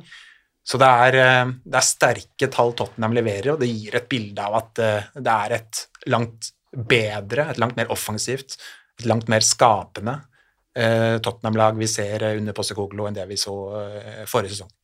Ja. Det er musikk i mine ører. Og du, Espen, underbygger det inntrykket du har av Tottenham, eh, Ja, det er jo et, det er en helt ny versjon du har sett, eh, så det gjør jo det. Eh, så blir det interessant å se om det, om det fortsetter, da. For det vet en jo De er fortsatt tidlig å konkludere.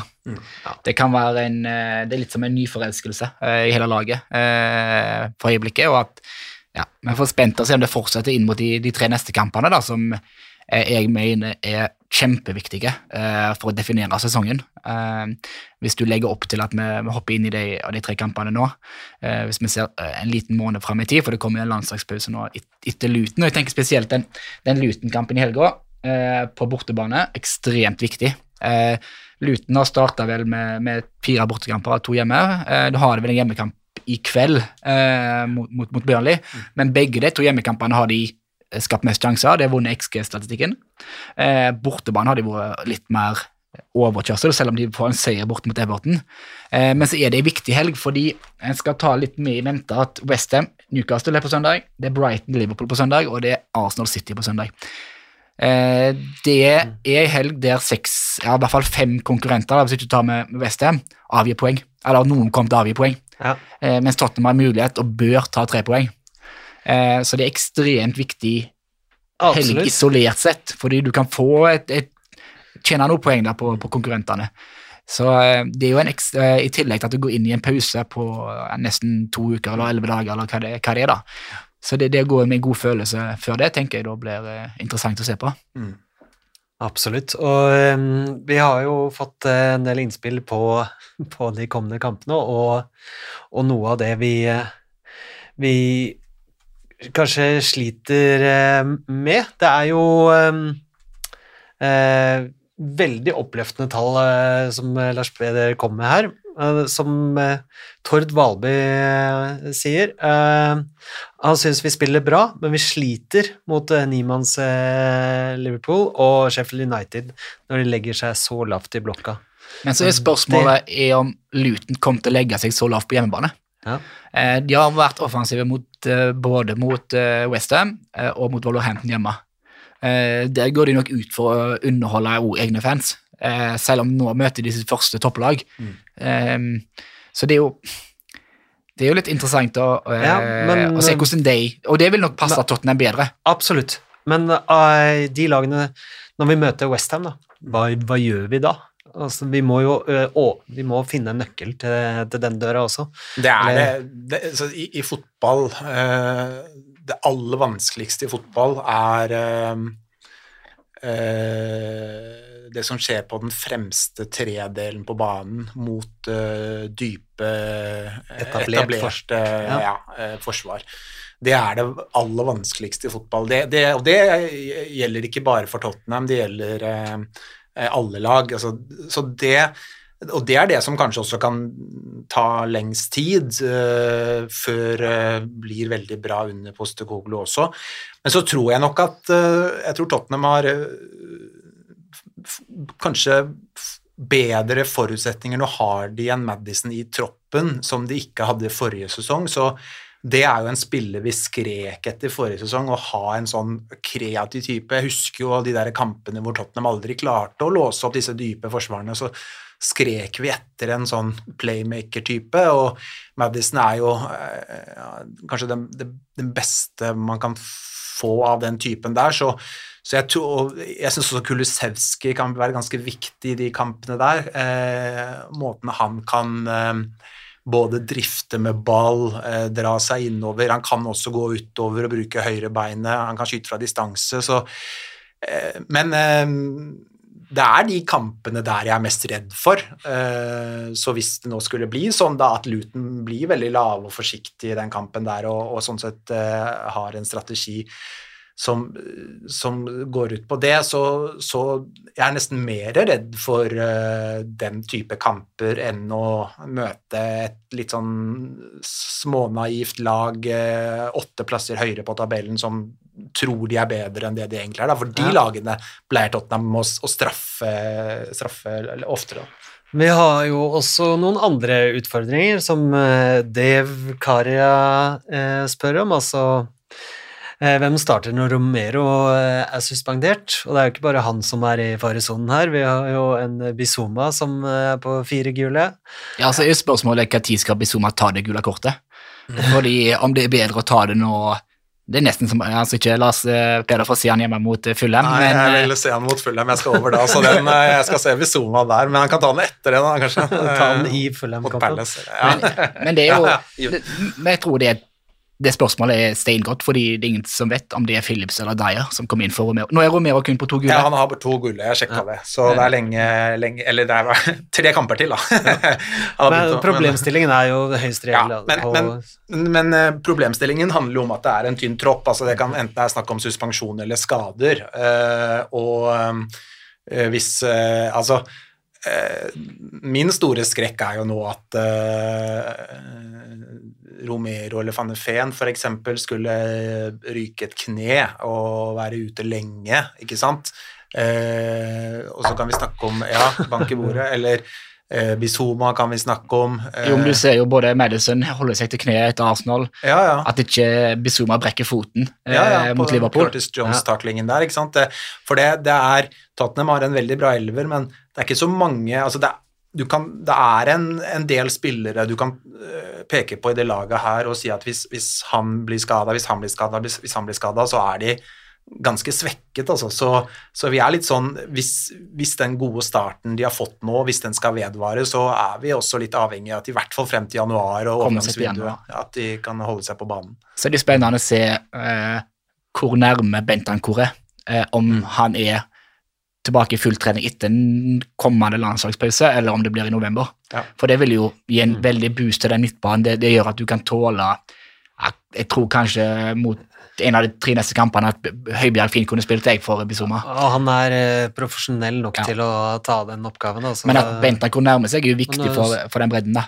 Du så jo det mot Liverpool også nå, at han bare han, Det var ikke noe, var ikke noe var- reservepreg over han. Det var litt interessant å se, for han var litt kjappere i avleveringene enn Bizuma. Bizuma ble litt gående på ball, mens Høibjerg spredde ut eh, litt kjappere. Så det var, jeg syns han hadde et positivt innhopp der. Eh, men det er jo tre kamper eh, en forventer poeng i, og skal han henge med, så må han ha gått med poeng i de kampene. her. Om det ikke er ni poeng, så bør det i hvert fall ha sju. Ja. Eh, Du spurte jo eh, i forkant av innspilling eh, hva du tror om de tre neste kampene. Og da har vi jo eh, en Petter Møkkelgård som han sier han, eh, han tror på seier, seier og seier. Og så har vi eh, Adrian.an som spør er det mulig at vi leder ligaen nå hvis City avgir poeng mot Arsenal. Det kan de gjøre til helgen. Og så har vi jo Alexander Skre som uh, spør best XG i åpent spill i ligaen. Can we? ja, could we? Surely not, but could we? Men det er, jo, det er jo viktige kamper, da. sant? Så skal du ha Fullhem, som uh, fikk seg en smell i går. Uh, hjemmebane skal vinne. Og så skal du til Palace eh, på bortebane, som er normalt sett en steintøff kamp. Ja, den er tøff, altså. Men så er det stort men der. Så er Ese ute. Den, og eh, Lise og ute. Lise er ute. I tillegg til Saha er jo ute fra troppen. Han er jo ute av landet. Ja, ute av, ut av landet, ut av troppen sammenlignet med forrige sesong. Ja. Så det er et helt annet lag. Altså At du slipper Ese og, og Lise, er jo Ja. ekstrem fordel i en sånn kamp. da. Absolutt, men det, det, som, det som vi vil se nå altså Nå går vi inn i de tre kampene, Luton, Fulham og Palace. Eh, det som vi nå kommer til å se mer og mer etter den gode starten altså Hvis vi spoler tilbake da, til før sesongen, så var det jo mange eksperter som lurte på om Tottenham kanskje eh, kom til å havne blant de åtte beste i det hele tatt. ikke sant? Harry Kane var solgt, som uh, sto bak så mye av det Tottenham eh, skapte og skårte forrige sesong. og uh, ny manager, altså ville Tottenham helt tatt klare det. Men så, etter den starten vi har fått, altså forventningene skrus jo Det, det har jo gått fra liksom Det har gått fra nå eh, vil Tottenham, Er Tottenham gode nok til en topp åtte-plassering til, til å bli sånn Nei, Tottenham vinner jo ikke ligaen. Altså, det, har, det, liksom, det er nesten blitt sånn ligagullsnakk Ja, i løpet av de syv Men det er kult. Ja, det er eh, kjempekult, men, men det, det, det gjør jo også at det vil bli en Eh, det, det vil bli større forventninger til Tottenham nå. Det, det, nå vil de etter hvert begynne å altså Hvis de nå skulle slå Luton, da, så går de inn i den landslagspausen kanskje som ligaledere. Kan jo fort skje da, ikke sant. Ja, Så- Da er det jo nesten en fjerdedel av sesongen ikke sant? Og det er klart, da, da, begynner, da, da, vil man ganske fort gå fra det å være en sånn eh, outsider som har slått nedenfra, som det har gjort i starten, vil jeg si, da, til at det plutselig eh, At det knyttes veldig store forventninger til dem, og det, det vil jo bli en litt ny situasjon for dem også. Så, eh, så jeg er veldig spent på de tre kampene som kommer nå. Altså Hvis de kommer fra Luton borte, Fulham hjemme og Palace borte med ni poeng, eh, og har vist at de både Da har de møtt både Arsenal, Liverpool, Manchester United, Brentford borte vil jeg ta med, den er steintøff, og de har møtt flere av de derre eh, liksom- Bananskallene? Ja, og liksom Luton eh, nyopprykka, sultent, ikke sant, og eh, to London-oppgjør. Altså og de, liksom, de vinner den type kamper også. Eh, det er klart det er eh, lov å ha store, lov å la forventningene skrus eh, opp en del hakk, altså. Det vil jeg Ja, påstå. og Og så hvis vi ikke vi kan glede oss over at vi gjør det bedre enn hva vi trodde, hva, hvorfor, Ja, ja. hvorfor heier vi på Men kan vi vinne ligaen da, folkens? Ja, det var vel det jeg spurte om. Eh, Could we, eller can we? Why not? Altså, eh, vi, vi, må ha, vi må ha den flyten vi har hatt nå i starten. Den må fortsette. Og det er jo det store spørsmålet om, om, om eh, hvor lenge mm, hvor lenge vi har eh, alle spillerne skadefrie, og hvor lenge Det er en nøkkel, i hvert fall. Men ja. Og så er det jo en grei påminnelse nå, da, det er tidlig kamp lørdag, og så er det bare at det er litt rare kamptidspunkter framover. Det er mandag mot Fulham, fredag mot, uh, mot Palace, og så kommer mandag mot Chelsea uh, som kamp nummer fire. Så det blir ikke noen helgekamper uh, fremover, så uh, oppdater kalenderen. eh, Men det er klart at altså, Jeg tenker jo også at det, de kan jo vinne ligaen. Altså det, mener, altså det, det, det, er, jo en, det er jo en mulighet for det, men, men ja. Ja. Vil, eh, vi kan stille spørsmålet litt annerledes, da. Ja. Har du justert forventningene dine Ja, til resten av sesongen etter de syv første kampene? Ja, for jeg, jeg, jeg hadde jo det utgangspunktet altså jeg, jeg, skal jo innrømme, jeg var veldig optimist før sesongen, fordi eh, etter hvert som jeg hadde lest meg mye opp på Postekoglo, snakket med folk som eh, heier på Celtic, og altså, så fikk jeg jo et bilde av Postekoglo som en ekstremt dyktig manager, og her kom det til å bli eh, god fotball, offensiv fotball og et veldig godt Tottenham-lag. Så, så eh, men jeg valgte før sesongen å ha som ambisjon at Tottenham skulle gjøre det bedre enn forrige sesong. Og så vil jeg måte se litt nå starten av sesongen, og nå må vi jo si at vi er gjennom starten av sesongen, og de har spilt syv kamper nå, og basert på det jeg har sett nå, så, så syns jeg det er helt naturlig å skru opp ambisjonen. Altså jeg, jeg tenker i hvert fall nå at det må være et mål å havne i topp fire. Det tenker jeg. Også når jeg ser litt på Både når jeg ser på Tottenham og det Tottenham har levert til nå, men også når jeg ser på en del av de andre lagene som man normalt sett kanskje tenkte skulle kjempe. Altså Chelsea har slitt veldig, Manchester United ser jo ikke bra ut, så det er jo noen av de lagene det er mulig å ha bak seg, og det må man jo hvis man skal bli topp fire.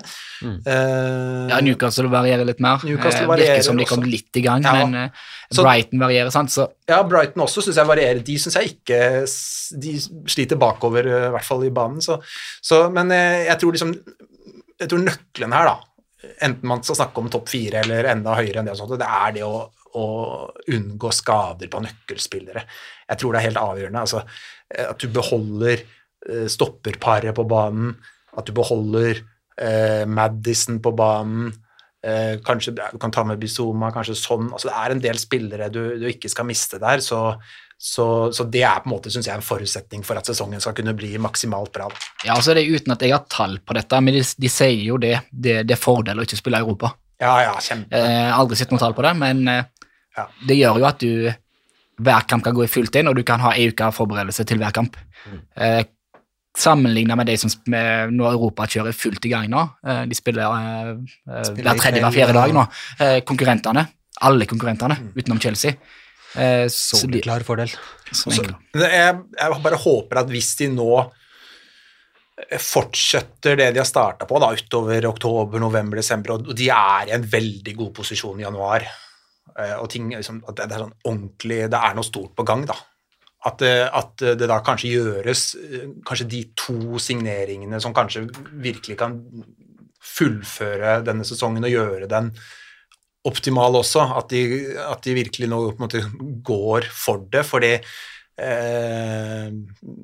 det, er, det er et spennende og bra utgangspunkt der, så, så at det nå virkelig gås all in, eh, og at man ser hvor langt det er mulig å nå det, også den sesongen her, da, og ikke bare, ikke bare tenker neste sesong og sesongen etter det, men Ja. også litt her og nå i årets sesong. Da.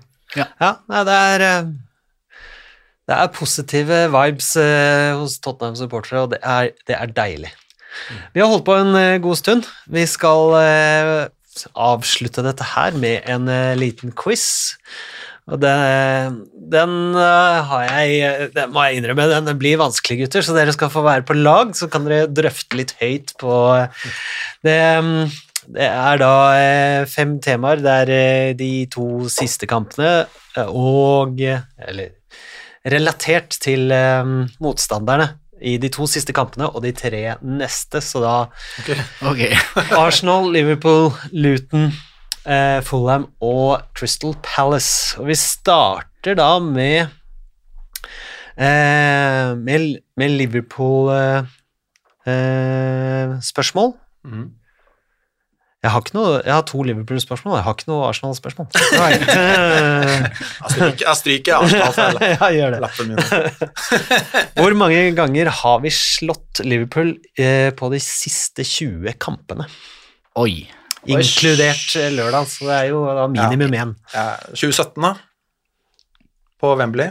Ja, den eh, 3-1, eller var det ikke det? Ja. Uh, uh, Men 4-1. 20 kamper, det er Premier League, eller er det òg cup? Det er med, med Champions League.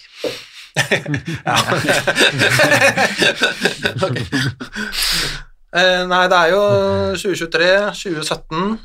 Har vi tatt dem i en cup eller noe? Eller? Nei, det er de to. eh, Det er de to, ja. Det er de to, ja.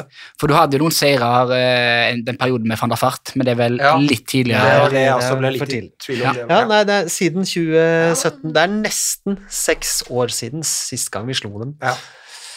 Ellers eh, etter det så var det 2-2, 1-2, 1-2, 0-2, 1-2, 0-1, 1-2, 1-3, 2-2, 1-1, 1-2, 3-4 nå i våres, og så nå endelig 2-1 igjen. Ja, men da- Men eh, når vi først er inne på Jeg leste jo opp eh, Det var bare to kamper vi ikke har scoret mot dem. Og klarer dere de fem siste målskårerne mot Liverpool? fem siste. Ja, og da? Men ikke eh, selvmål inkludert. så, så eh, Og hvis eh, en spiller har scora flere mål, så er det bare én. Sånn da, siste selvfølgelig. Ja, sånn riktig. Sånn hadde mål, og så hadde Tenker på det siste oppgjøret forrige sesong, da. Du hadde jo den 3-4-kampen der. 3-4, så er det tre Richarlison skåra, Det er riktig. Richarlison skårte det siste der, ja. Kane skåra. Kane scora, det er riktig. Da har dere tre av fem. Eh, hvem Da må vi litt lenger tilbake i tid. Nei, vi har jo fortsatt ett måler enn den eh, Eh, sånn scora da òg. Ja, så da har vi bare ett vi mangler, da. Nei. Nei, dere må sånn eh, Du skal ha de fem en- siste målskårerne. Ja. Og så lurer jeg på eh, Faen, hadde Toby et mål? Ja, Mellom de kom f... Det var litt for var litt tidlig. Ja. Vi skal tilbake eh, er Nummer fire på lista skåra eh, 28. januar 2021 under Mourinho. Lucas Mora, eller? Han er nummer fem på lista, men det var ikke Skriver jeg han opp som Ja. femtemann? Jeg mangler vi en, da. Dere som hører på, får tenke, gruble med oss, da. ja, Den er vanskelig unna Mourinho. Hvem var tidlig Det var ute der? på eh, Det var hjemmekamp. Det var 1-2-mål, og vi tapte 1-3 til slutt. Jeg, jeg har en, men jeg tør ikke å Jeg, jeg tenker på en midtbanespiller, men eh, Ja, Høybjerg, ja. Høybjerg, ja. ja. Det var det. Jeg, hadde en liten følelse av det, men så var jeg ikke sikker, så jeg turte ikke å si noe. Nei, nei, men det er bedre, bedre å si det. Ja, klarte Det Det er lov å drite seg ut. Ja, ja, det er viktig. Skal vi litt, eh, litt enklere, tror jeg, for eh, det er, det er ikke så lett å eh, finne Luton. Nei, nå. Luton-trivia. Men hvem var, hvilken nordmann var den siste som spilte tellende kamp for Tottenham mot Luton? Det var i 91, da. 1991. Ja, det må ha vært det. Må ha vært Erik. Torstvedt, da. Erik Torstvedt er helt riktig, det var 92. Ja, 92, det var, ja. Men det var 91-92-sesongen, så det var, eh, Siste det var. First Division, ja. Ja. Ehm, Og så drar vi til Fulham. Uh, hvis vi ser bort ifra uh, ligacupen, hvor de vant på straffer Når var det Fulham vant en tellende kamp mot Tottenham sist? Oi, for det, det jeg så litt tidligere i dag, er at eh, eh, blant de topp ti stadionene eh, Noen har vunnet mest på bortebane, så har Tottenham vunnet ti ganger bort mot Fulham. Ja. så de vinner ofte eh, mot Fulham. Hva tid de Kan det ha vært en hjemmekamp, da? Tapte en hjemmekamp. ja, vi tapte en hjemmekamp, det er helt Ja. riktig. Vi tapte 1-0. Jeg tror ikke det er så veldig lenge siden heller. Er det en Jo, det er fin- Jo, det er det, ja. Det er veldig lenge siden. Og da snakker vi mer enn ti år siden, eller? Vi snakker mer enn ti år siden. Vi snakker eh, 17. mars 2013. Tapte vi 1-0 hjemme. Så det er, det er lenge siden. Ja, for det Nei, jeg faen ikke hvem som spilte på det laget da. Hvem hadde de da? Eh, Var det Hugo Rodega og eh, Var det den kampen hvor eh, Loris hadde en redning mot Hugo, Hugo Rodega? Oh, det husker jeg ikke så nøye. Jeg har ikke gått gjennom kampene. kampene. Nei, den, eh, ja, nei, den ligger langt bak i huet. Ja. um, da skal vi over til siste motstander. Det er jo da Crystal Palace. Uh, det er ti spillere som har spilt for både Tottenham og Crystal Palace. Sju av dem i Premier League-æraen. Kan dere nevne tre av disse? Det var jo Berbatov som skåra den kampen.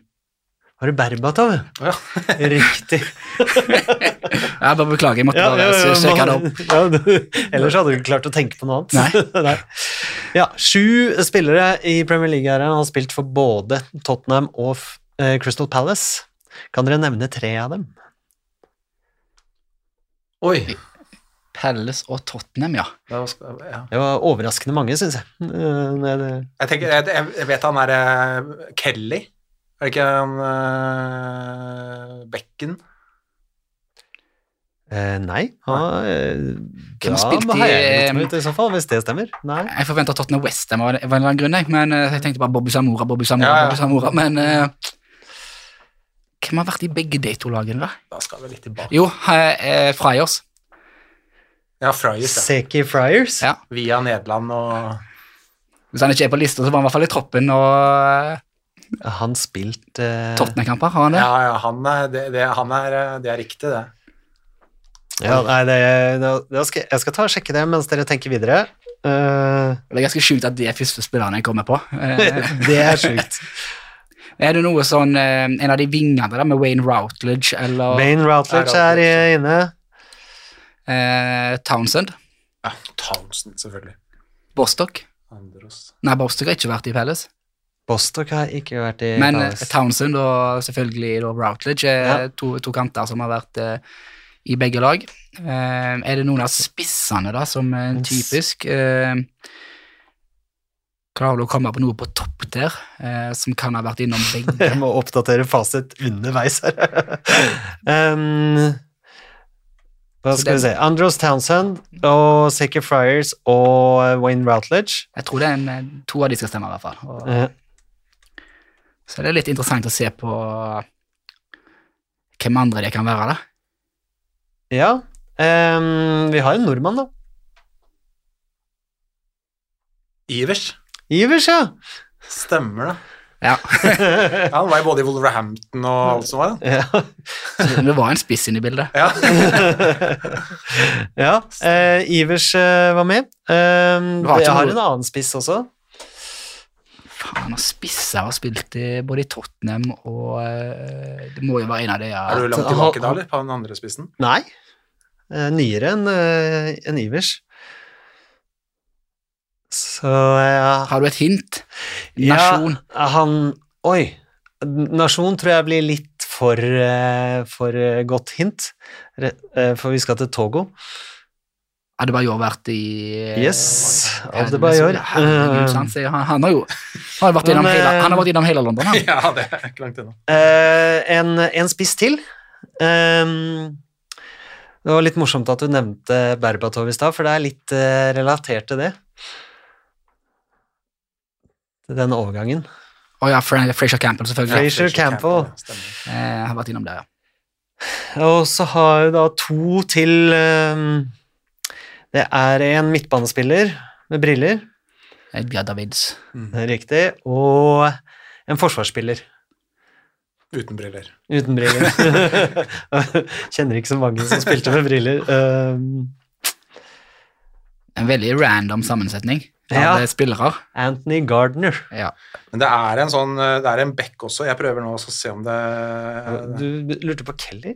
Ja, Det er en eller annen som eh, I hvert fall var i ungdomsavdelingen til Tottenham. Men det er ikke sikkert han fikk noen seniorkamper. Og du lo litt av meg for jeg sa John Bostock, men eh, han spilte jo fire kamper for Palace, og så gikk han til Tottenham, men han fikk jo aldri eh, noen kamper for Tottenham. Sånn var det. Eh, Som nå, eh, Og så gikk han til um, nå spiller han vel i Notts County. Han var innom eh, Antwerpen og gikk en tur via Frankrike og. Få ta litt selvkritikk på eh, fasiten her. Vi kan ta noen sånne her eh, før Premier League starta, da. Da har vi jo Andy Gray, eh, som har spilt for begge.